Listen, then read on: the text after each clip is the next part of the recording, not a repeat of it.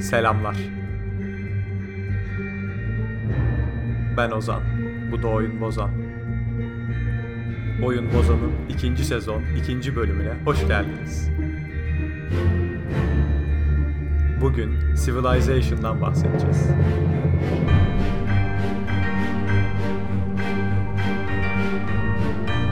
Bugün yanımda Keremcan var.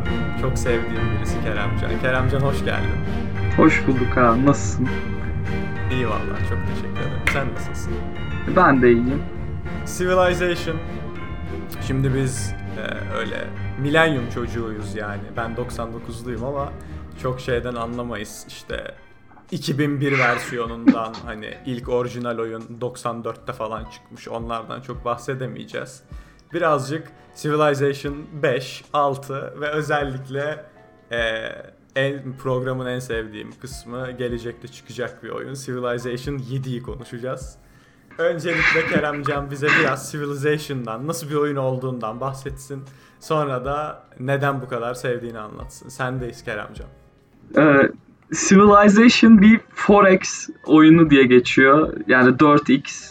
Ee, Explore, Expand, Exploit, Exterminate. Bu e, yani bir strateji oyunu olarak düşünün. Belirli kaynaklar var. Siz de bu kaynakları kullanarak zafere ilerlemeye çalışıyorsunuz gibi.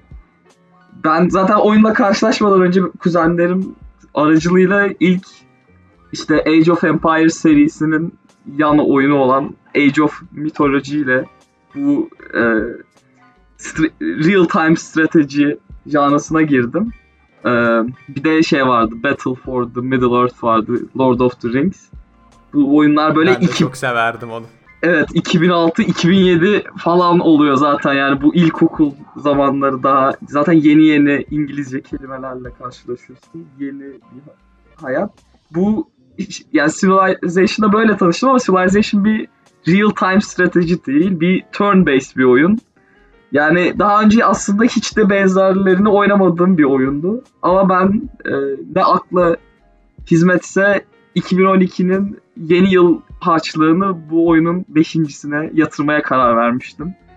Yani iki, işte 12 yaşında bu benim aldığım ikinci kutu CD'li oyundu zaten kutulu oyundu. Ve böyle ufkum açıldı. Yani yani oyunun beklentisi ya oyundan ne bekliyordum diye düşünecek olursam açıkçası pek bir fikrim yok ama bu kadar oynanılabilirliği olduğunu tahmin etmiyordum. Çünkü yani bu oyunu ve oyun serisini bıraksanız DLC'leriyle beraber sonsuza kadar oynayabilirsiniz. Yani hiç sık, sıkılmadan, usanmadan tekrar tekrar oynanabilecek bir yapısı var. Bence bu bir bilgisayar oyununun aradığı, ulaşmak istediği noktadır benim için en azından. Ee, yani işte neredeyse 9 yıl oluyor. Zaten Steam kütüphanemdeki ilk oyun. Daha sonra yanına 6'yı da ekledim. Genel olarak bir e, bir civilization'ı, bir e, toplumu, bir e, oluşumu seçerek başında da liderler var işte diyelim George Washington olsun, Kanuni olsun, işte Bismarck olsun. Böyle liderler var. Hepsinin kendine özel yetenekleri, kabiliyetleri var.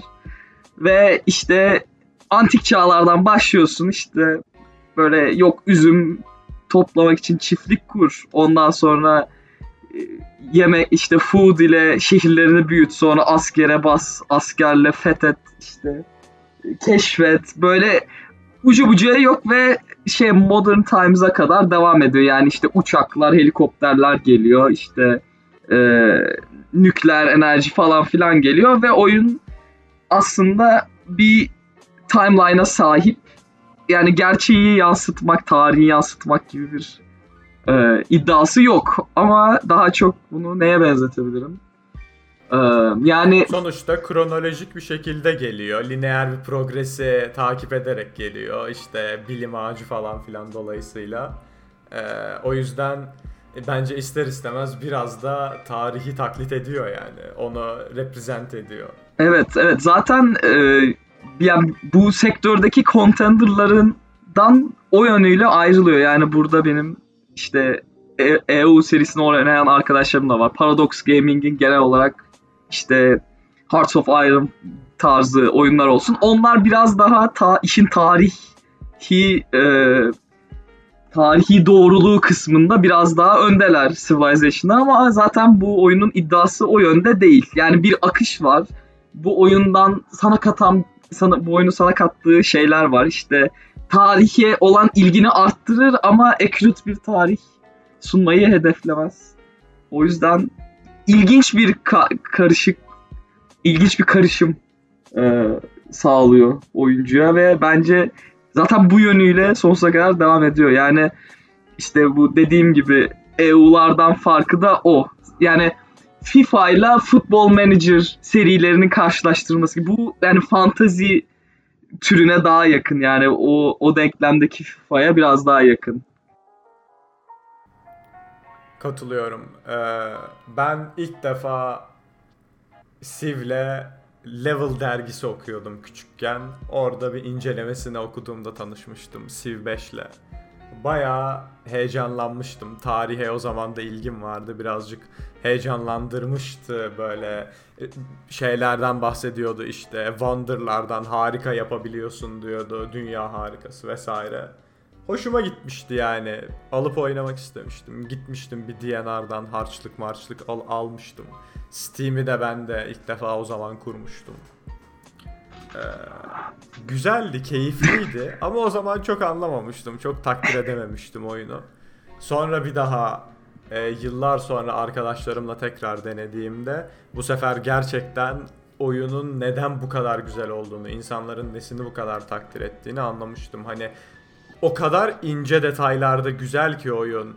Gerek e, mesela çağ atladığında e, seçilen kodların güzelliğinden bahsedelim. Bütün genel olarak oyundaki bütün alıntıların, sözlerin güzelliğinden bahsedelim. Yani hepsi o kadar keyifli ki bilmiyorum. Ee, şimdi konuşunca heyecanlandım. Oyunu yine oynayasım geldi. Bundan sonra bir gireriz. evet evet aynen.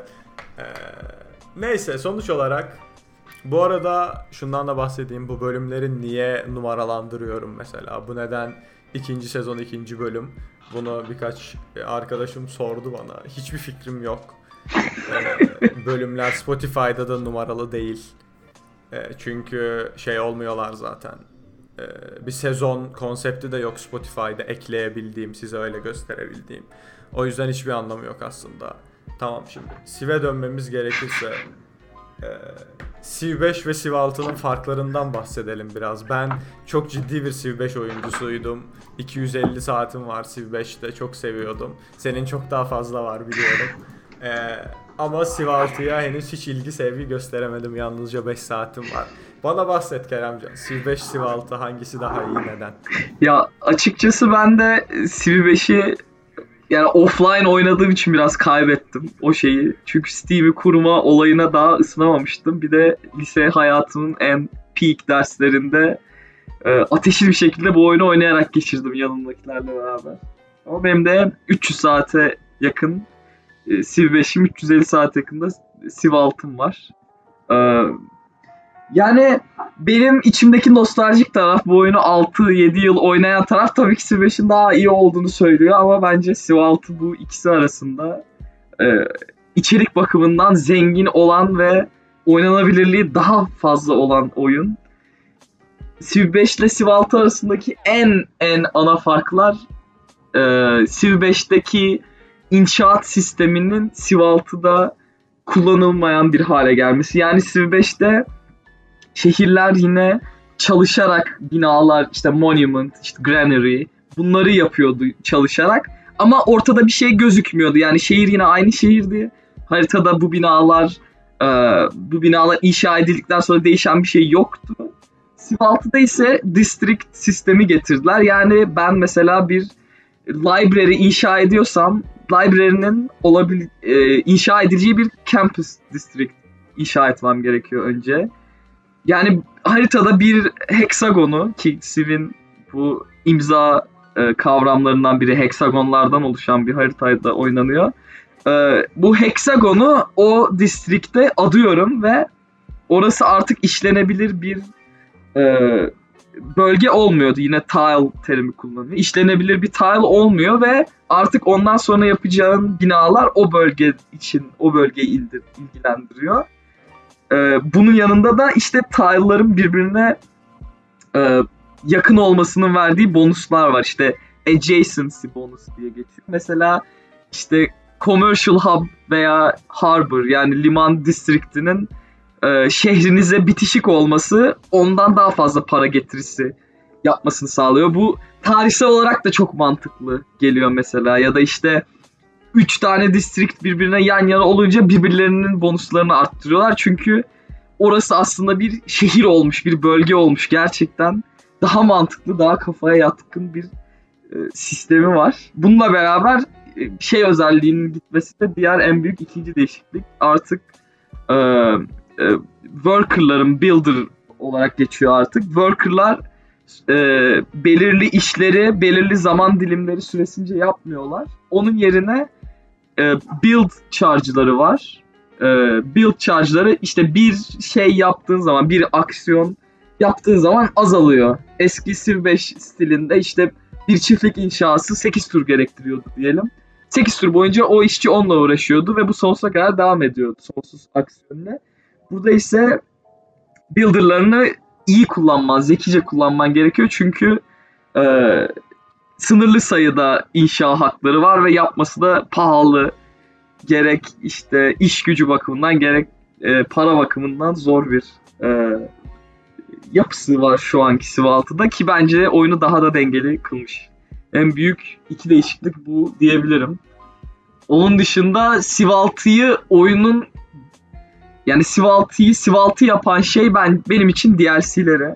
E, bu işte Civ 5 oynayanlarınız varsa orada da e, Gods and Kings ve e, Brave New World DLC'leri vardı. O birinde din geliyordu, öbüründe ideoloji geliyordu. İkisi de oyunu değiştiren e, şeylerdi ama bu 6'da böyle biraz daha kökten olmuş. Bir tanesinde çağ sistemi var işte altın çağ yaşayabiliyorsun mesela. Bir de karanlık çağ yaşayabiliyorsun. E, bu mekaniklerin yanında işte birbirinden uzak olan şehirler mesela loyalty'leri düşük oluyor. Çünkü yani mesela Türkiye'nin, Osmanlı'nın ya da daha doğrusu Roma'dan girebiliriz daha iyi olur.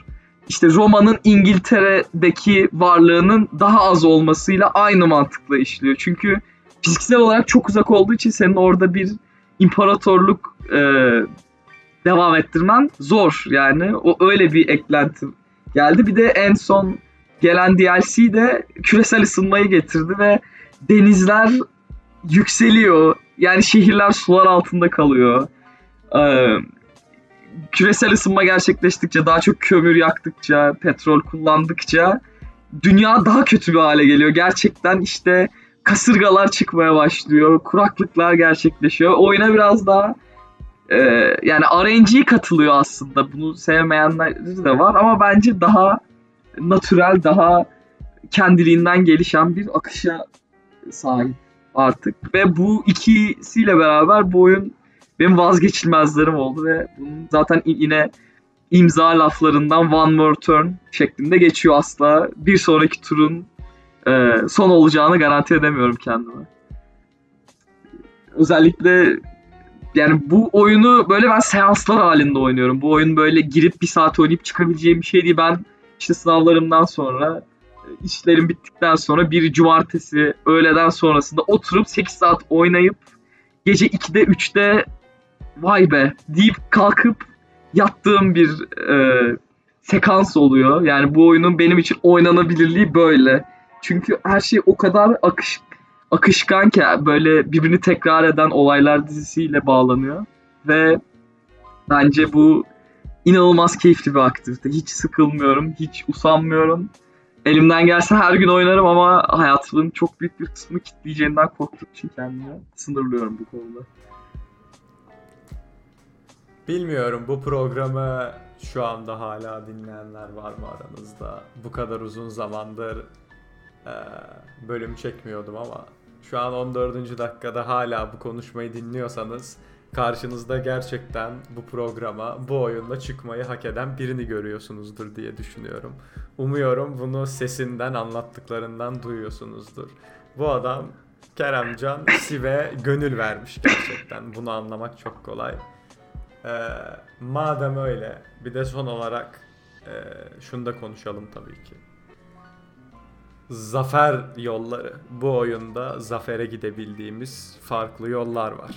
Gerek e, işte science victory, bilim zaferi, e, domination, hani herkesin bir başkentini almak falan böyle hiddetli şiddetli vurdulu kırdılı yol. Cultural victory var. Efendime söyleyeyim harika sanat eserleri üreterek bunları başka ülkeleri etkilemek için kullanarak diplomatik victory var falan. Bize Keremcan bu victory type'ları arasından en sevdiğini ve sebebini söylesin.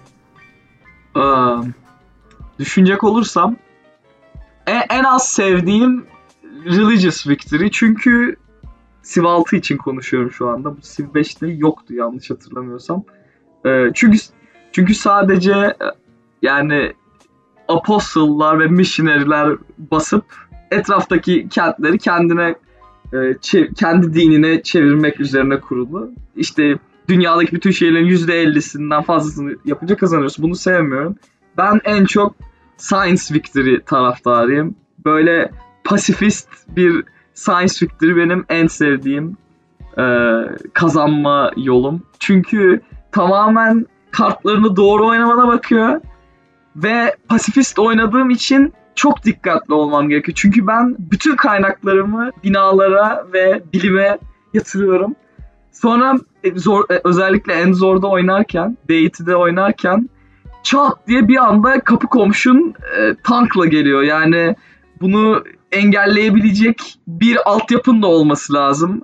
Orada işte silahlanma yarışı devreye giriyor. Yani gerçekten hani bunun en optimize hali nedir? Yani ben bunu hem kazanabileyim ama hem de e, bütün kaynakları aktarmadan hayatta kal- kalabileyimi dengelemeye çalışıyorsun. Bence bu e, çok aktif düşünmeyi gerektiriyor. Benim de bu bana keyif veren bir yani bir, bilgisayar oyunlarında aradığım, aklımı kullanmayı sevdiğim bir oyun stili.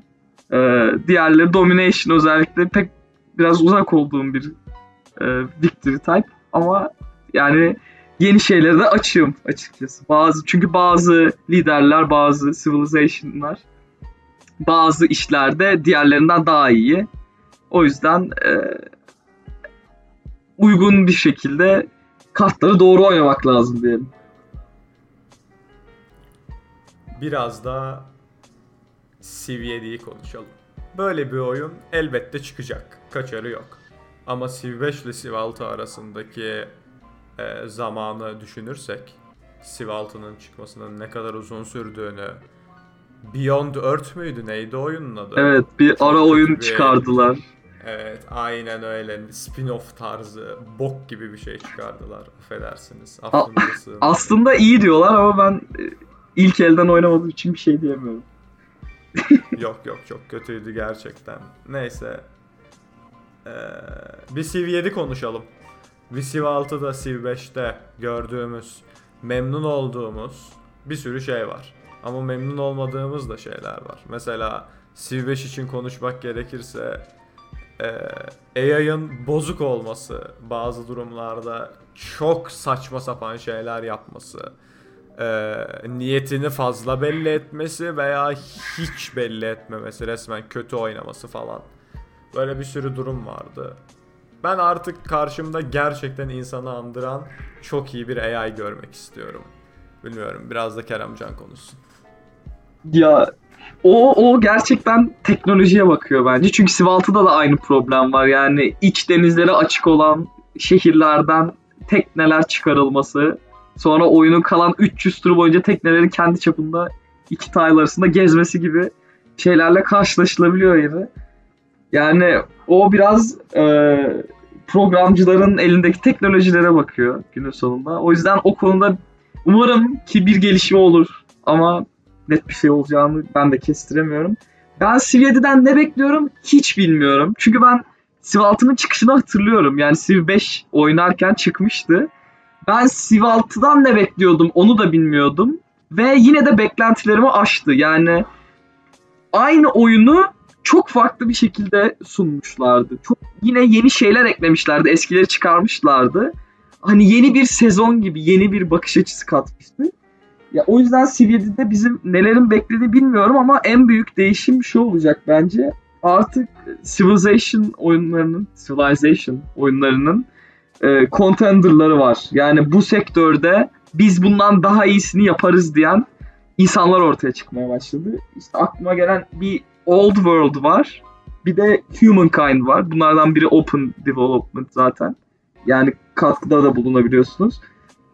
Bu ikisi yani Civilization'ın sektörde tekel olmasını engelleyecek diye görüyorum. Bu da bu tarz bug'ların işte bu tarz oyun sıkıntılarının, devamlılık sorunlarının el mahkum çözümüne e, sebep olacağını düşünüyorum. Çünkü bu oyunlarda çok farklı e, özellikler sun, sunmayı e, yani çok farklı özellikler kullan, kullandıklarını gösteriyorlar. E, o yüzden Civ tarafında işlerin biraz daha ciddileşmesi gerektiğini düşünüyorum.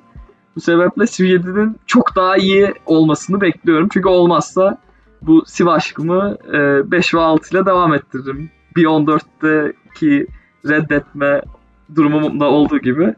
E, benim en değişmesini isteyeceğim sistem e, şu an oyunu dengelemek için zorluk seviyeleri var. Zorluk seviyelerin e, tam olarak AI'ın zekası ile çalışmıyor da e, oyuncuya karşı modifier'lar var. Yani mesela normalde bir şey 10 altın ediyorsa en zor modda 5 altın ediyor. İşte e, sadece oyuncu için oyunu zorlaştıran modifier'lar var. Bence oyunu böyle dengelenmesi biraz e, sakat. Yani bu biraz üzerine düşünülmemiş bir problem gibi duruyor benim için.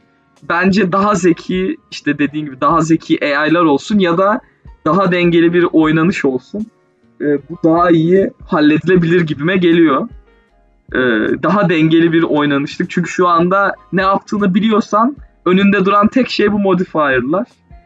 Ee, bunu böyle kullanıcılar arası oyunlarda olduğu gibi benim de senin de daha önce beraber oynadığımız seferlerde olduğu gibi e, daha eşit şartlar altında e, bir oyun olmasını umuyorum.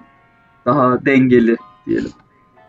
Bugün Keremcan'la Civilization'ı konuştuk. Keremcan bize gerçekten kalbinde hissettiği, beyninde kurcaladığı Civilization'la alakalı bütün duygularını anlattı. Teşekkürler Keremcan geldiğin için, anlattığın için. Ben teşekkür ederim beni davet ettiğin için. Ee, buna ihtiyacım vardı diyebilirim.